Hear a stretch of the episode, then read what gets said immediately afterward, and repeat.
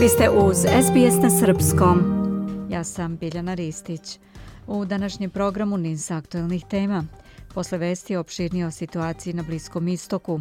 Osvrnućemo se na dedole u posljednje u nizu Nobelovih nagrada za 2023. Claudia Goldin, profesorka ekonomije sa Harvarda, dobila Nobelovu nagradu iz oblasti ekonomije. Mija Nikolić više o novom sistemu obaveštavanja javnosti u slučajevima nestale dece, koji će početi da se primenjuje od sljedećeg meseca. Od 1. novembra u okviru nacionalnog programa imunizacije u Australiji će biti dostupna vakcina protiv herpesa zostera, detalji u okviru zdravstvenih tema. Zemlja gost na ovogodišnjem Međunarodnom Beogradskom sajmu knjiga Francuska javlja Hranislav Nikolić. Ostanite sa nama do 16 časova. Sledi pregled vesti.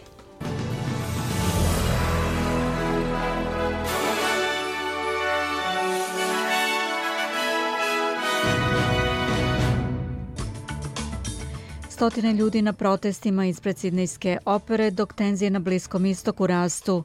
Svetske berze strahuju da sukob između Izraela i Hamasa ima potencijal da poremeti međunarodna tržišta novca i dobara. Sednica Parlamentarne skupštine Saveta Evrope, jedna od tema situacija na Kosovu i Metohiji.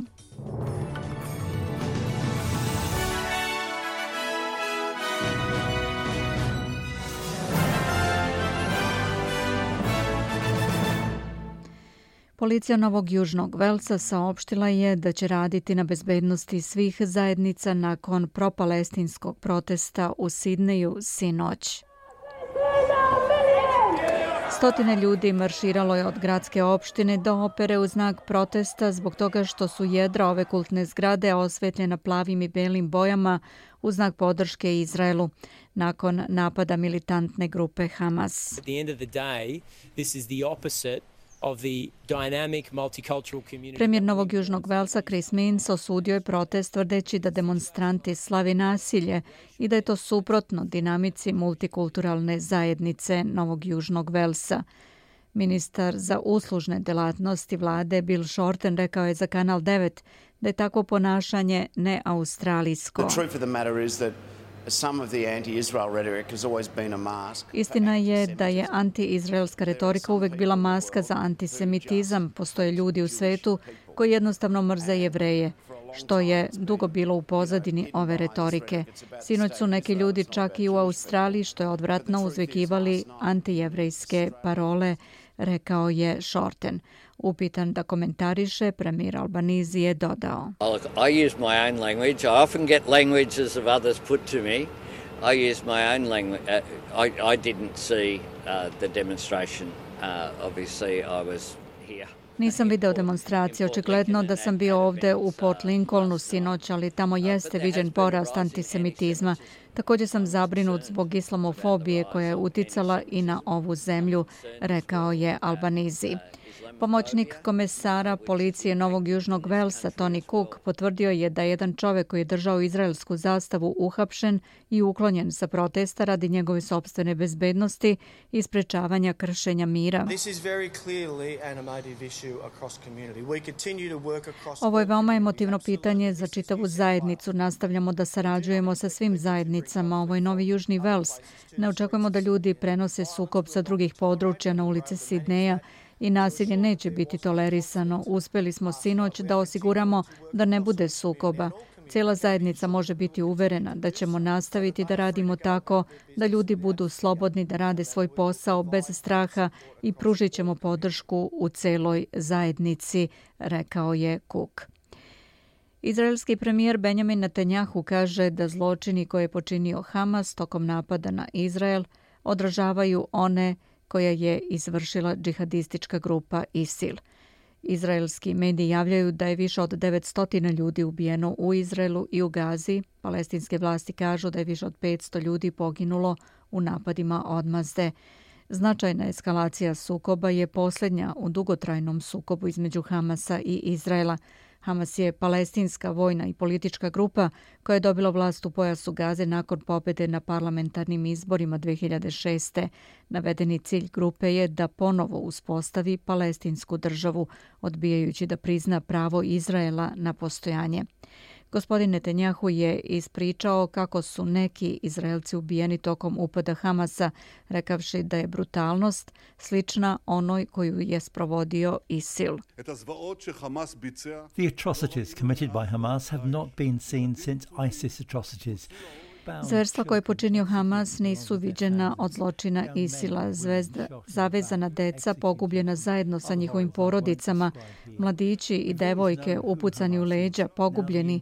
Ostale strahote neću ovdje da opisujem. Od uvek smo znali šta je Hamas. Sada ceo svet zna. Hamas je Isil i mi ćemo ga pobediti baš kao što je prosvetljeni svet pobedio Isil. Ovaj podli neprijatelj je želeo rat i dobit će rat, rekao je Netanjahu. Savet bezbednosti Ujedinjenih nacija održao je hitnu sednicu iza zatvorenih vrata zbog eskalacije izraelsko-palestinskog sukoba, ali nisu preduzete hitne mere, prenosi Associated Press i navodi da su Sjedinjene države zahtevale od svih 15 članica da oštro osude napade koje počinio Hamas.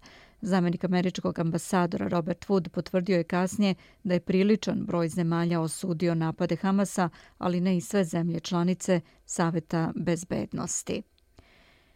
Počasni konzul Srbije u Izraelu Aleksandar Nikolić kaže za radioteleviziju Srbije da se vode borbe u još tri od prvobitno 21 žarišta na liniji razgraničenja sa pojasom Gaze, ističući da su državljani Srbije koji su živeli u Kibucu u tom delu zemlje evakuisani. E, ono što mi je e, posebno drago da mogu da žuriram da su naši državljani koji su inače bili žitelji jednog od Kibuca, ne želeći da ga imenujem iz očiglednih bezbednostnih razloga danas oko 10 časova i 30 minuta evakuisani, tako da su oni sada na bezbednom i polako, ako govorimo o tom iminentnom području u samu zelenu liniju razdvajanja, stanje je nešto bolje.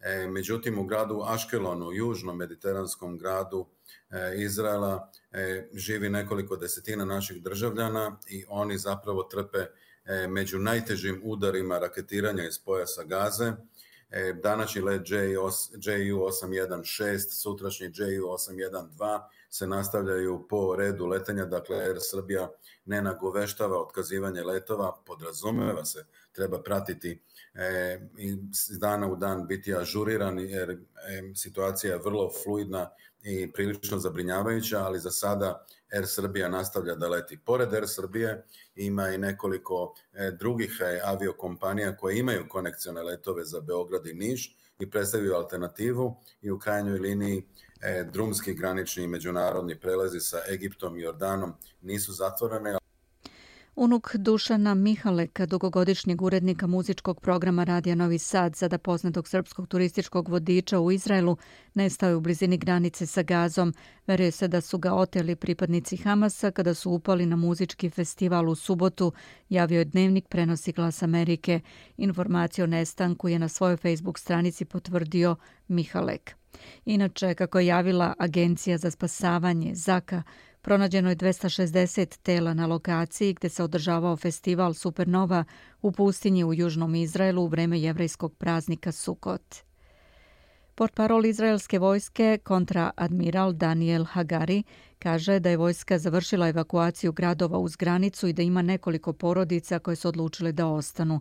Također kaže da snage te zemlje završavaju čišćenje Južnog Izraela i da ima informacije o svim Izraelcima koji su uzeti kao taoci u Gazi. Prema njegovim rečima, stopa napada izraelskih vazuhoplovnih snaga na pojas Gaze je pet puta veća od one koja je izvršena protiv Hezbolaha u drugom libanskom ratu 2006. Svetske berze strahuju da sukob između Izraela i militanata Hamasa ima potencijal da poremeti međunarodna tržišta novca i dobara. Kontinuirano je povećanje cena obveznica nafte na Wall Streetu, dok investitori osluškuju najnovije vesti o konfliktu. Izvršna direktorka kompanije Wealthwise Financial Services, Lorin Gilbert, kaže da bi, ako se sukob proširi, to moglo predstavljati značajne rizike za tržište. When these conflicts have happened in the past and they've stayed somewhat very concentrated, Kada su se ovakvi sukobi dešavali u prošlosti i kada su bili na neki način ograničeni, to nije stvarno uticalo na S&P 500 ili na tržište uopšte. U stvari videli smo da se S&P 500 veoma dobro držao ali kad i ako taj sukob postane širi sukob, sukob više nacija, više zemalja, onda svakako ima potencijal da izbaci tržište iz koloseka, a takvu situaciju smo videli u Jom Kipurskom ratu koji je uticao na S&P 500 do 40 procenata, kaže ona. S&P 500 je berzanski indeks koji prati 500 američkih kompanija kojima se javno trguje i najvećih američkih kompanija koje su ključni finansijski indikator. Sjedinjene američke države, Francuska, Nemačka, Italija i Velika Britanija izrazile su čvrstu podršku Izraelu i nedvosmisleno osudile palestinsku militantnu grupu Hamas. U zajedničkom saopštenju objavljenom na sajtu Bele kuće dodaje se da će saveznici Izraela u narednim danima ostati ujedinjeni i koordinisani kako bi osigurali da je Izrael u stanju da se odbrani i da se na kraju uspostave uslovi za miran i integrisan bliskoistočni region. A u Briselu će se danas održati vanredni sastanak šefova diplomatija zemalja članica Evropske unije posvećen situaciji u Izraelu i regionu kako je na društvenoj mreži X napisao visoki predstavnik Evropske unije za spoljnu politiku i bezbednost Josep Borelj. 15 časova 11 minuta je slušate pregled vesti. Predsednik Republike Srbije Aleksandar Vučić i premijerka Srbijana Brnabić sastaće se danas sa predsjednikom parlamenta Iraka Muhamedom Rikanom El Halbusijem. Na odvojenim sastancima saopšteno i službe predsjednika za saradnju sa medijima iz vlade Srbije. Nisu dati detalji tih razgovora. Umeđu vremenu sednica parlamentarne skupštine Saveta Evrope, na kojoj jedna od tačaka dnevnog reda bila situacija na Kosovu i Metohiji, završila je rad, a zasedanje će se nastaviti danas. Članica delegacije Srbije u parlamentarnoj skupštini Saveta Evrope Elvira Kovač ocenila je za Tanjuk da je rasprava u tom telu o skorašnjim dešavanjima na Kosovu i Metohiji bila objektivnija nego inače. A ministar spodnjih poslova Srbije Ivica Dačić izjavio je za Tanjug da je razgovarao sa mađarskim kolegom Peterom Sijartom koji mu je preneo poruku predsjednika Viktora Orbana da su sve jači zahtevi onih koji podržavaju Prištine za uvođenje sankcija Srbiji, ali da sigurno Mađarska to neće dozvoliti.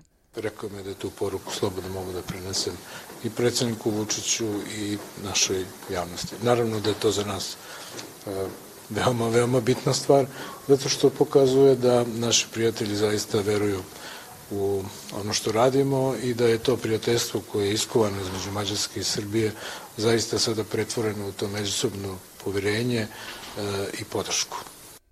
I na kraju ovog bloka Amerikanka Claudia Goldin, profesorka ekonomije sa Harvarda, dobila je Nobelovu nagradu za ekonomiju za 2023. za proučavanje mesta i uloge žena na tržištu rada, saopštila je Švedska akademija nauka. Ona je tek treća žena koja je dobila Nobelovu nagradu za ekonomiju. Da pogledamo i kolika je vrednost australijskog dolara danas prema američkom, 64 centa, 61 eurocent, 52 britanska penija i 71 srpski dinar, 14 para. Ukratko iz sporta, Branko Cvetojević. Futbolska reprezentacija Srbije počela je pripreme za naredne dve utakmice kvalifikacija za Evropsko prvenstvo u Nemačkoj. Orlovi igraju u subotu u Mađarskoj, a zatim u ponedeljak protiv Crne Gore u Beogradu. Srbija će biti oslabljena jer selektor Dragan Stojković ne može da računa na napadača Juventusa Dušana Vlahovića koji je otkazao zbog povrede leđa. Srbija je posle pet odigranih mečeva druga na tabeli kvalifikacione grupe G sa 10 osvojenih bodova. Prva je Mađarska sa istim brojem bodova, ali i utakmicom manje, dok treća Crna Gora ima dva boda manje od Srbije. A španski tenisar Carlos Alcaraz plasirao se u osminu finala Mastersa u Šangaju pošto je sa 2-0 u setovima pobedio Britanca Evansa. Meč je trajao čak dva i po sata, a Alcaraz je došao do pobede posle velikog preokreta u prvom setu. Drugi teniser sveta igraće u narednoj rundi protiv Grigora Dimitrova iz Bugarske. U osminu finala plasirao se i Rus Andrej Rubljov, dok je iskusni Diego Schwartzman priredio iznenađenje eliminacijom američkog tenisera Taylora Fritza. I na kraju da pogledamo i vremensku prognozu. Sunčano i vetrovito je u Pertu sa 20, sunčano u Adelaidi 26, Melbourne sunčano popodne sa 17 stepeni, oblačno zatim razvedravanje 16 stepeni u Hobartu, Kambera sunčano 22, Sine delimično oblačno 21. U Brisbaneu je sunčano sa 25, u Darwinu mestimično oblačno 30. Beograd danas većinu dana oblačno, popodne sunčano do 22 stepena. Slušali ste pregled vesti na srpskom. Za sve najnovije posjetite sbs.com.au kosacrta news.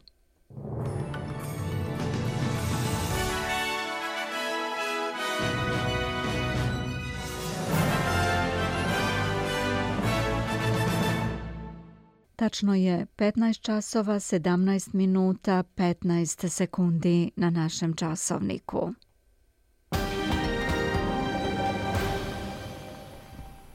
Vi slušate SBS na srpskom. Ja sam Biljana Ristić. Ostanite sa nama. Program nastavljamo najaktuelnijim temama, a najaktuelni vesti dolaze sa Bliskog istoka gde se nastavljaju borbe između izraelske vojske i i militantne grupe Hamas.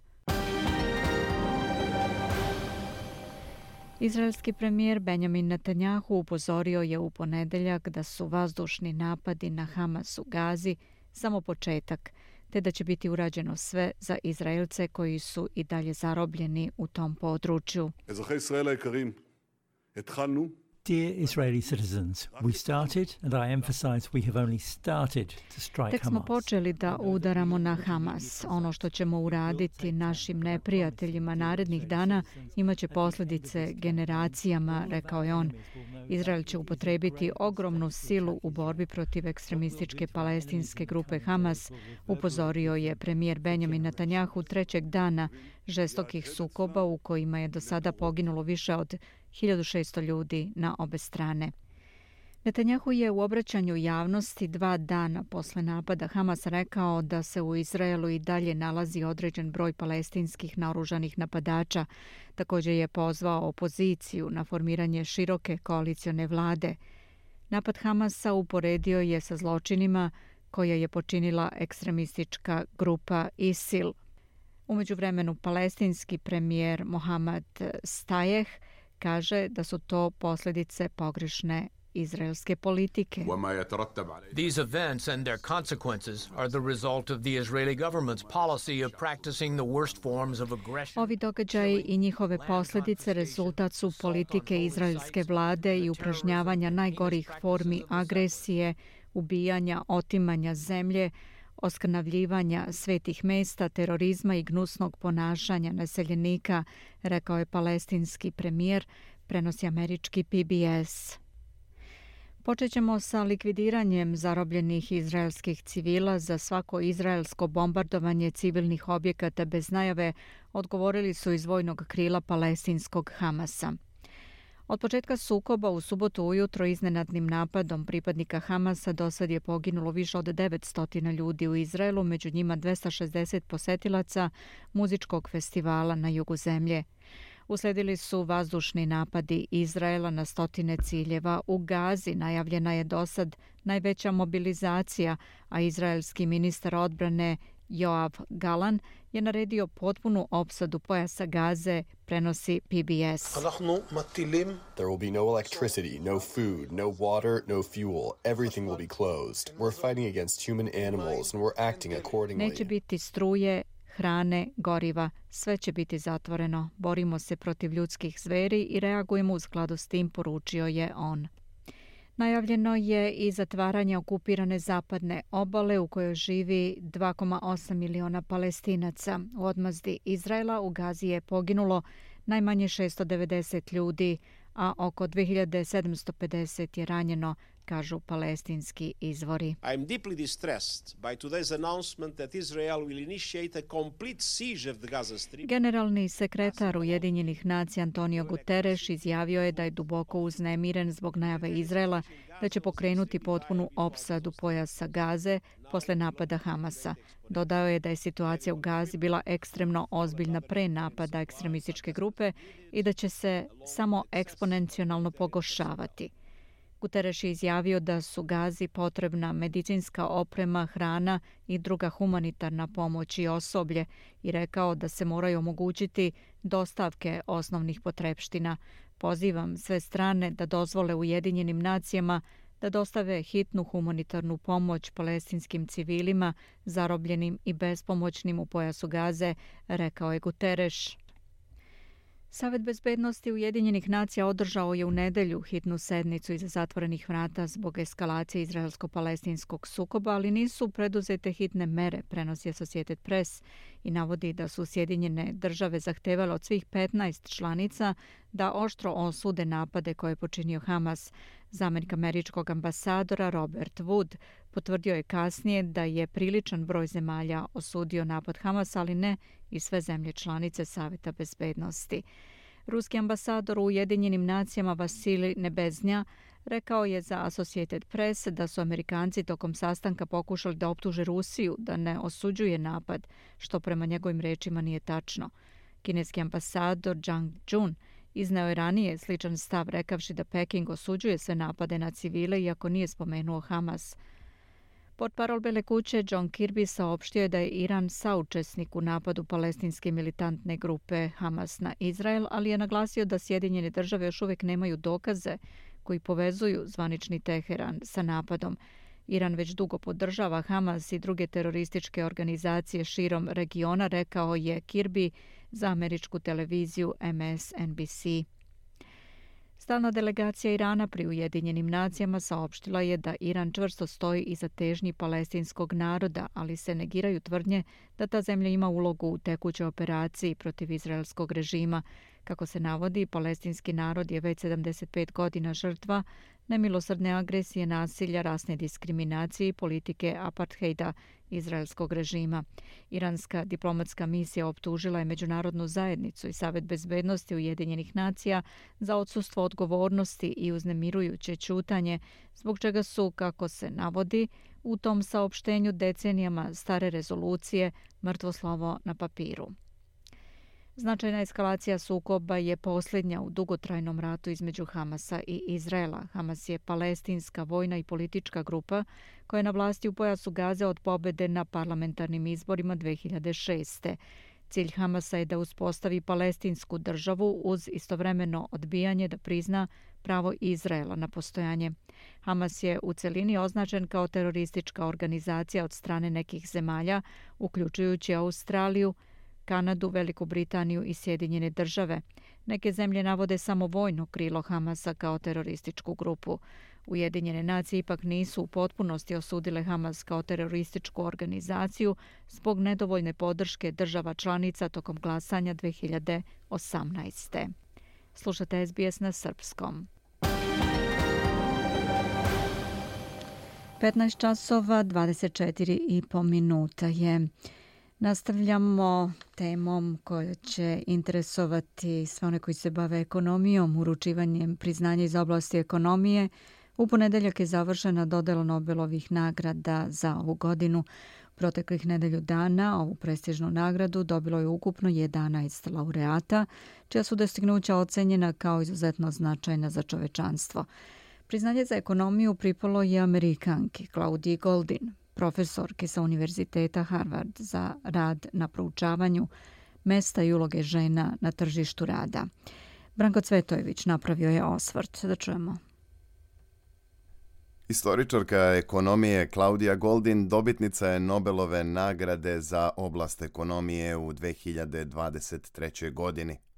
Ova američka naučnica postala je tek treća žena dobitnica ovog priznanja – a nagrađena je za rad na ispitivanju nejednakosti zarada između muškaraca i žena.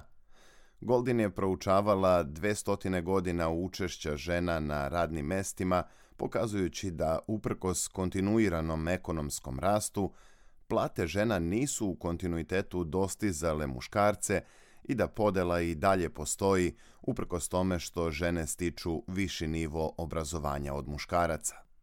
Odluku o dodeli priznanja američkoj naučnici objavio je generalni sekretar Švedske kraljevske akademije nauka Hans Elegren. The Royal Swedish Academy of Sciences has decided to award Sveriges Riksbanks Prize in Economic Sciences in memory of Alfred Nobel 2023 to Professor Claudia Goldin, Harvard University, USA. Claudia Goldin je jedan od pionira u oblasti rodne ekonomije, a o značaju njenog rada govorio je i predsjednik Komiteta za Nobelovu nagradu za ekonomske nauke, Jacob Svensson. Thanks to Professor Goldin's groundbreaking research, Zahvaljujući revolucionarnom istraživanju profesorke Goldin, sada znamo mnogo više o osnovnim faktorima koji utiču na rezultate na tržištu rada žena i koje barijere će morati da se prevaziđu u budućnosti, naglasio je Svensson. Knjiga profesorke Goldin iz 1990. godine pod naslovom Razumevanje rodnog jaza, ekonomska istorija američkih žena – imala je izuzetan uticaj na istraživanje korena rodne nejednakosti u platama. Takođe, ona se bavila i studijama o uticaju kontraceptivnih pilula na poslovnu karijeru žena, kao i o odlukama žena o braku, odnosno prezimenima nakon udaje kao društvenom indikatoru i razlozima zašto žene danas čine većinu studenata na univerzitetima. Član komiteta za Nobelovu nagradu za ekonomske nauke Arandi Hjalmarsson kaže da otkrića Klaudije Goldin imaju velike društvene implikacije i da je ona to najbolje opisala. Claudia Goldin's discoveries have vast societal implications. Ako konačno shvatimo problem i nazovemo ga pravim imenom, moći ćemo da krenemo napred boljim putem. Profesorka Goldin nam je pokazala da se priroda ovog problema ili izvor jaza među polovima menja tokom istorije i razvoja društva. Značaj rada Goldinove naglašava i Ingrid Werner, profesor finansijske ekonomije i član komisije za Nobelovu nagradu. Uh, Werner smatra da je važno naglasiti da je razumevanje učešća žena u radnoj snazi i njihovog potencijala za zaradu od neverovatne važnosti za društvo, jer ako su žene na neki način sprečene da učestvuju ili učestvuju pod nejednakim uslovima, onda gubimo u smislu veština, ponude radne snage i resursa koji bi mogli da promovišu rast i prosperitet. Nagrada za ekonomiju je posljednja od ovogodišnjih Nobelovih nagrada i vredna je 11 miliona švedskih kruna ili nešto više od milion i po australijskih dolara. Nakon što je saznala da je dobila Nobelovu nagradu, Claudia Goldin je kazala da se osjeća pomalo umorno, ali i veoma počastvovano. Ona je također istakla da je njeno istraživanje otkrilo neke neprijatne istine. As women have increased their role in the labor force, it's become more apparent kako su žene povećale svoju ulogu u radnoj snazi, postalo je očiglednije da postoje ogromne zaostale razlike i mi se pitamo zašto je to tako. Žene su sada obrazovanije od muškaraca, više ih završava fakultete, a ide im bolje i u srednjoj školi. Zašto onda postoje te razlike, pita se dobitnica Nobelove nagrade. Ona je u svojim istraživanjima otkrila i da u razvijenim ekonomijama sveta postoji veliki rodni jaz u platama. Naime, žene u proseku zarađuju oko 13% manje od muškaraca. Profesorka Goldin se nada da će njen rad pomoći da se podstaknu promene. And we realize that these differences, although some are found within the labor market, Iako su neke od ovih razlika na tržištu rada, one su pre svega odraz onoga što se dešava u domovima pojedinaca. Žene često prihvataju poslove koji će im omogućiti da više vremena provedu kod kuće i brinu se o domaćinstvu, a to su uglavnom slabije plaćena radna mesta. Prema mišljenju profesorke Goldin, kako bi se to promenilo i krenulo ka većoj rodnoj ravnopravnosti, put je da se stvori više jednakosti između parova, zabeležio je SML Galib iz informativne redakcije SBS-a. Slušate program na srpskom. Ja sam Branko Cvetojević.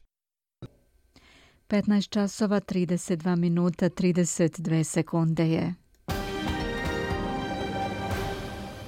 Slušate program na srpskom jeziku.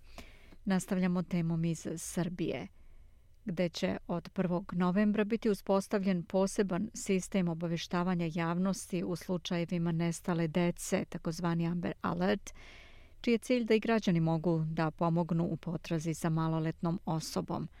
Kako se taj sistem aktivira, šta podrazumeva, koliko može da pomogne u potrazi i šta kritičari zameraju, o svemu tome u razgovoru sa Mijom Nikolić. Mija, dobar dan. Kao prvo recite nam nešto o tom sistemu i ko je pokretač? Srpska verzija sistema Amber Alert pod nazivom Pronađi me biće na snazi od 1. novembra, a prethodit će mu i proba sistema. Igor Jurić, osnivač fondacije Tijana Jurić, otac ubijene devojčice za kojom se tragalo 12 dana, pokretač je inicijative za uvođenje ovog posebnog sistema uzbunjivanja javnosti u slučajevima nestale dece. On je naglasio da se u Srbiji godišnje prijavi nestanak između 1300 i 1500 dece, ali da ne bi bilo dobro da se sistem pokreće za svaki od tih slučajeva jer bi izgubio smisao. Srpski Amber Alert će se aktivirati u specifičnim slučajevima kada se ispune određeni kriterijumi koje je definisala posebna radna grupa u saradnji sa Ministarstvom unutrašnjih poslova. Želeli smo da prilagodimo sistem našem podneblju i našoj zemlji, prikupljali smo i proučavali iskustva Sjedinjenih američkih država koje su Amber Alert uvele još 1996. godine, ali i ostalih država. Srbija je implementirala najbolje stvari iz raznih zemalja, a manjkavosti drugih sistema će unaprediti, izjavio je Jurić i istakao da će na ovom odgovornom i zahtevnom poslu raditi stručni ljudi iz policije čija je obuka već počela. Da. Šta sve objedinjava taj sistem uzbunjivanja? Amber Alert objedinjava delovanje radio i televizijskih stanica, elektronsku poštu, društvene mreže, infoportale, infopanele i ostale načine sveobuhvatnog informisanja javnosti o nestalom ili otetom detetu. Sistem se aktivira po nalogu policije i to u onim redkim slučajevima kada postoji pretpostavka da je dete u životnoj opasnosti, kako se javnost ne bi preplavljivala informacijama čime bi ovaj sistem izgubio na efikasnosti i značaju. Da. Mija, Već ako se ne varam uređen medijski prostor u slučajevima obaveštavanja o nestanku dece, zar ne? Regulatorno telo za elektronske medije donelo je pravilnik o hitnom obaveštavanju javnosti u slučaju nestanka maloletnika. On je objavljen u službenom glasniku i njime se bliže uređuje način ispunjavanja obaveza pružalaca medijskih usluga u vezi sa hitnim obaveštavanjem javnosti o nestanku deteta. Mediji će biti dužni da bez odlaganja objave obaveštenje dobijeno od nadležnog ministarstva i da ga emituju u prvih 8 sati na svakih 30 minuta, a posle toga na svakih sat vremena.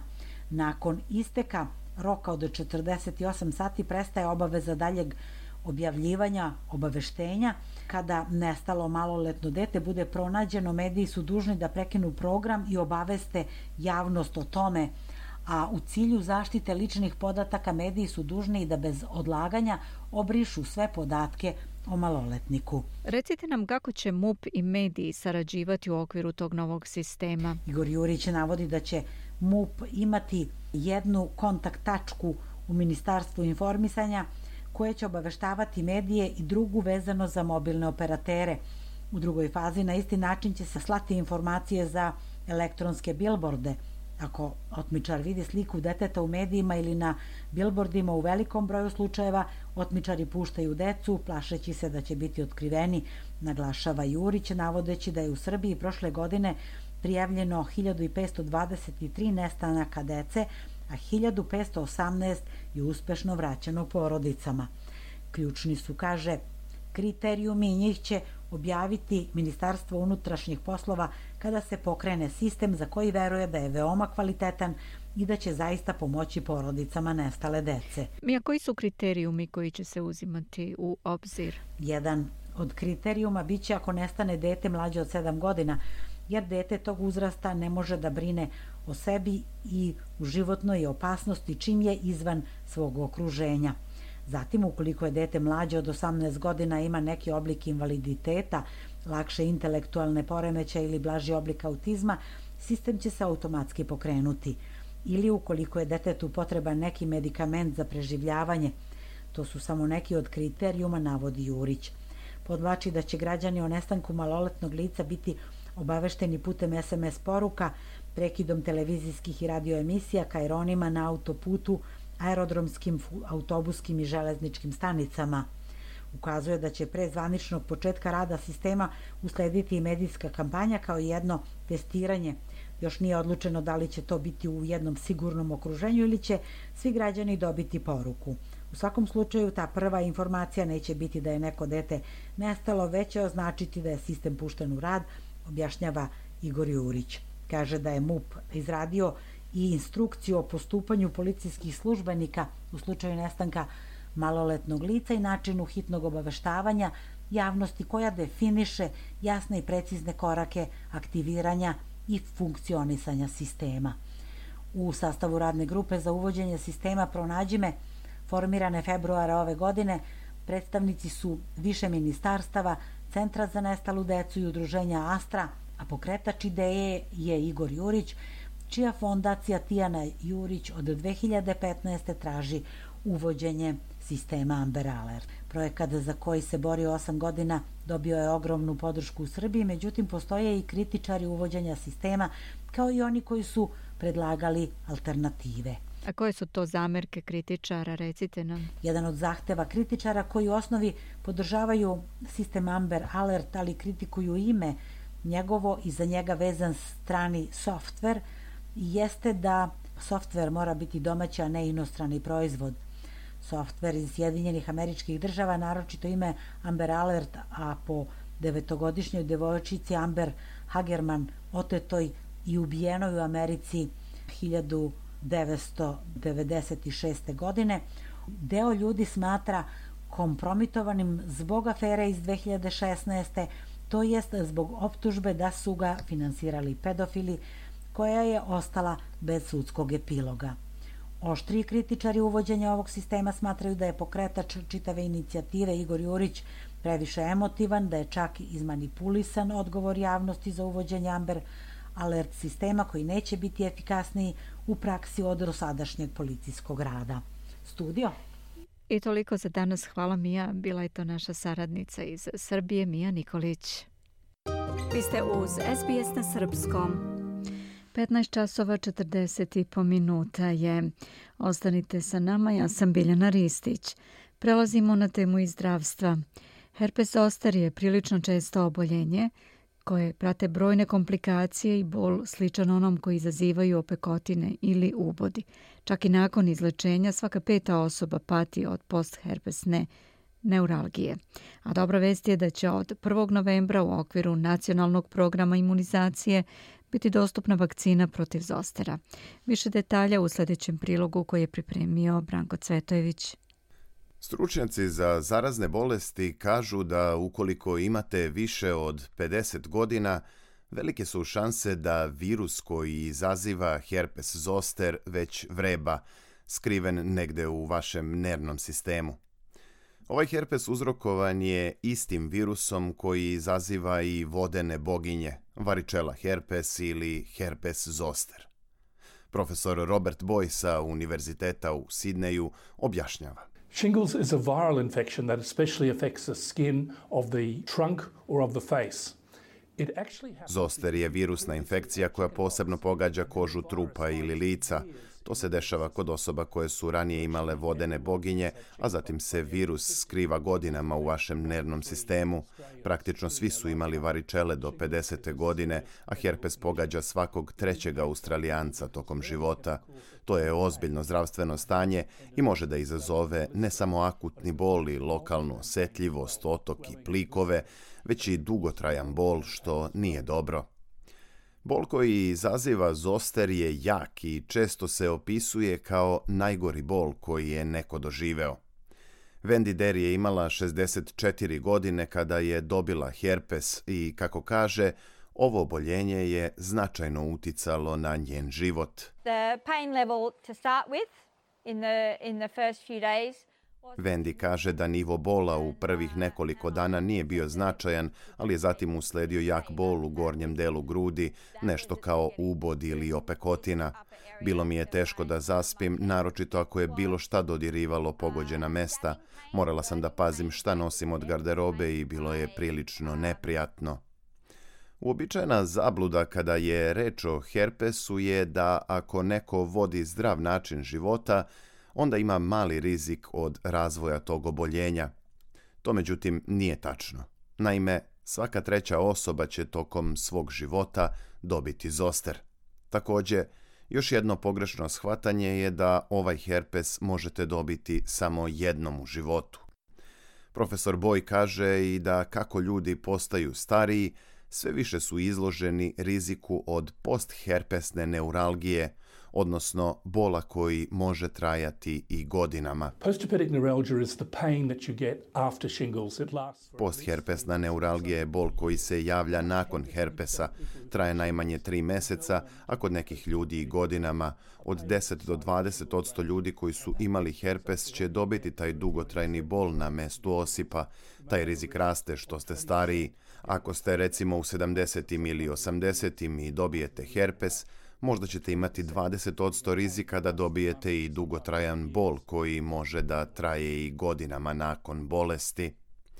Da herpes zoster uzrokuje značajan teret bola kod stanovništva koje je preležalo ovu bolest, potvrđuje i Julia Jones, izvršni direktor u Pain Australia. Ova organizacija radi na poboljšanju kvaliteta života ljudi koji žive sa bolom. Jones kaže da bol više struko deluje na ljude, vezuje ih za kuću, čini da se plaše da se kreću i da budu aktivni, To naročito važi za bol koji nastaje posle herpesa i mi želimo da vidimo promene u sistemima koji podržavaju zdravlje ljudi i koji će povećati njihov kapacitet da se angažuju i da budu fizički aktivni, takođe i da rade, a ne da odlaze u prevremenu penziju. Pozdravit ćemo sve što može da im poboljša život, uključujući i vakcinu, kaže Jones. Od 1. novembra vakcina Shingrix koja sprečava herpes i postherpesnu neuralgiju biće uvrštena u nacionalni program imunizacije. Reč je o vakcini koja se ne može replicirati u telu i ne može da izazove bolest čak i kod ljudi sa oslabljenim imunološkim sistemom. Stručnjaci tvrde da Shingrix pruža 10 godina zaštite i da je efikasniji od drugog cepiva koje je trenutno dostupno u nacionalnom programu imunizacije. Ova vakcina biće dostupna svim starijima od 65 godina, kao i autohtonom stanovništvu preko 50 godina. Također, Shingrix će moći da prime i osobe sa oslabljenim imunitetom koje su starije od 18 godina i imaju stanja s visokim rizikom od herpesa. Autor ovog priloga je Alan Lee iz informativne redakcije SBS-a. Ja sam Branko Cvetojević. Slušate SBS na srpskom 15 časova 47 i po minuta i ostanite sa nama. Ovogodišnji Međunarodni Beogradski sajam knjiga biće održan na uobičajenom izložbenom prostoru Beogradskog sajma, a brojnim posetiocima predstavit će se oko 400 izlagača iz zemlje i inostranstva. Na prvoj preskonferenciji povodom manifestacije predstavnicima medija, među kojima je bio i naš saradnik Hranislav Nikolić, obratili su se organizatori i počasni gosti. Da čujemo taj prilog. Vi ste uz SBS na Srpskom. Ovogodišnji 66. po redu Međunarodni Beogradski sajam knjiga pod sloganom Živele knjige bit će održan od 21. do 29. oktobra, a zemlja počasni gost je Francuska, najavili su organizatori na prošlonedeljnoj konferenciji za medije.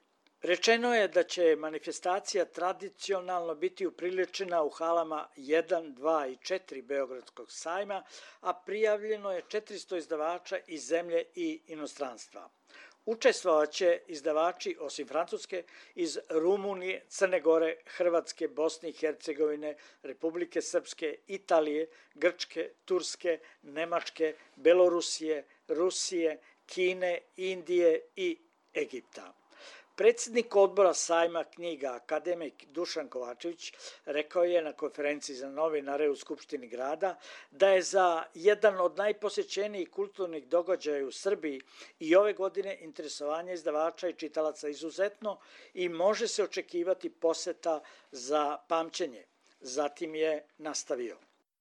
Uprkos raznoraznim katastrofičnim pričama o kraju književnosti, među štandovima sajma sajamskih kupola bit će hiljade posetilaca od sedam pa do poznih godina koji će sa žarom i uzbuđenjem kupovati knjige.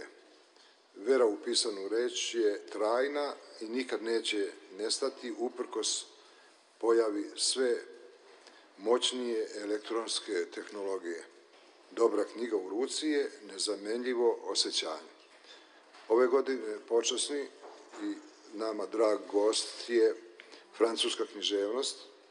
Francuski pisci su svetski klasici i knjige objavljene ove godine će biti posebno dragocene. Francuska književnost je jedna od najvećih i najznačajnijih književnosti od kako je knjiga nastala reći ću nešto potpuno privatno. E, u mom životu svet e, književnosti se promenio kada sam imao možda nekih 12 godina i kada sam prvi put pročitao e, Rablea i njegovu knjigu Gargantua i Pantagruel. Tako da je ta priča za mene od izuzetnog, izuzetnog značaja.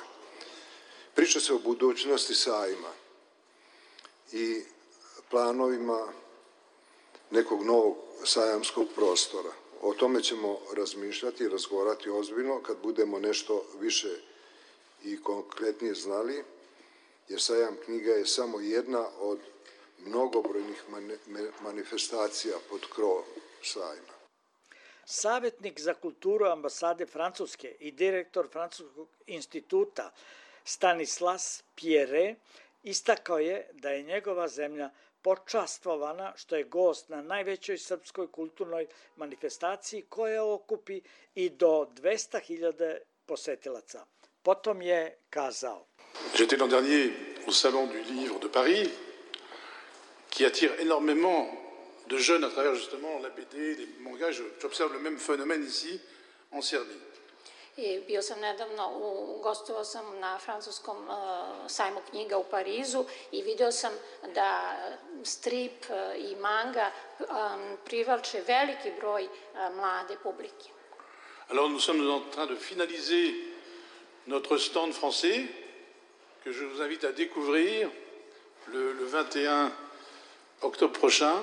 Vous verrez, vous ne serez pas déçus, ça sera quelque chose d'assez joli, d'assez parisien, d'assez Je ne vais pas déflorer le thème, mais ce sera un café.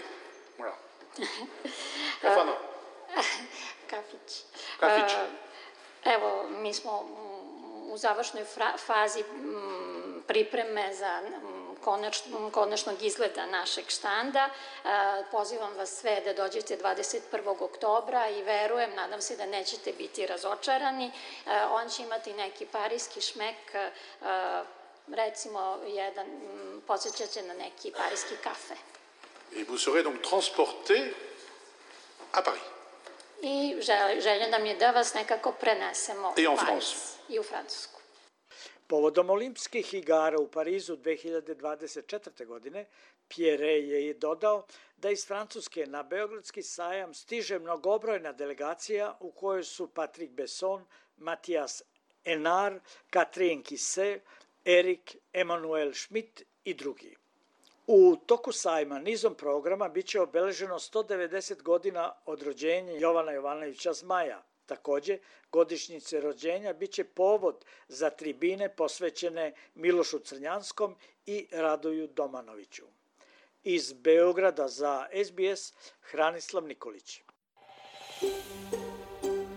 Želite da čujete još priča poput ove? Slušajte nas na Apple Podcast, Google Podcast, Spotify ili odakle god slušate podcast. Tim mi završavamo današnji program. Sljedeća emisija na srpskom jeziku je u četvrtak u 15 časova. Pridružite nam se. Možete to na internetu ako posjetite našu web stranicu sbs.com.au kosacrta srbijen. Ako ste na telefonu, preuzmite SBS Audio app i tamo možete direktno slušati naš program, digitalno naravno, ili po pozivu i također možete slušati interesantne priloge koje ste propustili u programu na Facebooku. Naš profil je SBS Serbian. A sa vama je danas bila Biljana Ristić. Ja vam želim prijatan ostatak ovog utorka 10. oktobra 2023. godine. Doviđenja i do slušanja. Prijatno popodne. Želite da čujete još priča poput ove? Slušajte nas na Apple Podcast, Google Podcast, Spotify ili odakle god slušate podcast.